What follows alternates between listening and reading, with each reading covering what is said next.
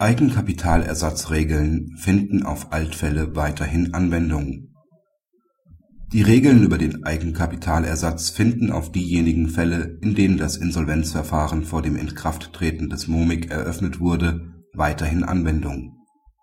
Der Kläger ist Insolvenzverwalter einer GbR, über deren Vermögen im Jahre 2003 das Insolvenzverfahren eröffnet wurde die GbR hatte weder eine natürliche Person noch eine Gesellschaft als Gesellschafter, bei der ein persönlich haftender Gesellschafter eine natürliche Person ist.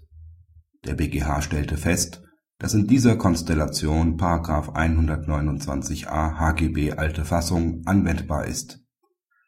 Das Inkrafttreten des Gesetzes zur Modernisierung des GmbH-Rechts und zur Bekämpfung von Missbräuchen (MoMIG) am 1.11.2008 steht dem nicht entgegen denn Artikel 103d Satz 1 EG-InSO ordnet unmissverständlich an, dass auf Insolvenzverfahren, die vor dem Inkrafttreten des MoMIG eröffnet worden sind, die bis dahin geltenden gesetzlichen Vorschriften weiter anzuwenden sind.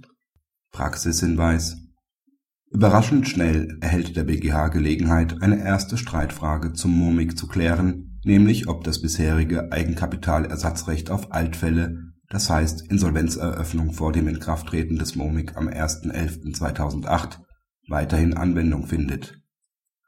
Artikel 103d EG-InSO erfasst alle bis zum 1.11.2008 geltenden gesetzlichen Vorschriften.